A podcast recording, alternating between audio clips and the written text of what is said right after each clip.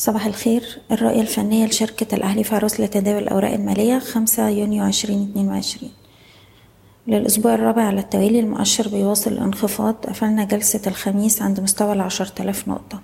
طبعا استمرار التراجع أسفل مستوى العشر تلاف هيخلينا نروح نجرب على اللو بتاع السنة اللي فاتت عند تسعة تلاف وتمنمية. ومن هنا ممكن نشوف محاولات تماسك وارتداد مرة تانية لأن دي مستويات دعوم رئيسية أي محاولة للارتداد في الوقت الحالي هنتعامل معاها لأنها فرص لتخفيض المراكز لغاية ما نشوف عودة للقوة الشرائية بشكل منتظم. أقرب مستوى مقاومة دلوقتي هو الهاي بتاع الأسبوع اللي فات عند العشر تلاف ميتين وستين وأي وقت نقدر نتخطى المستوى ده الأعلى هتبقى أول إشارة إيجابية على الأجل القصير.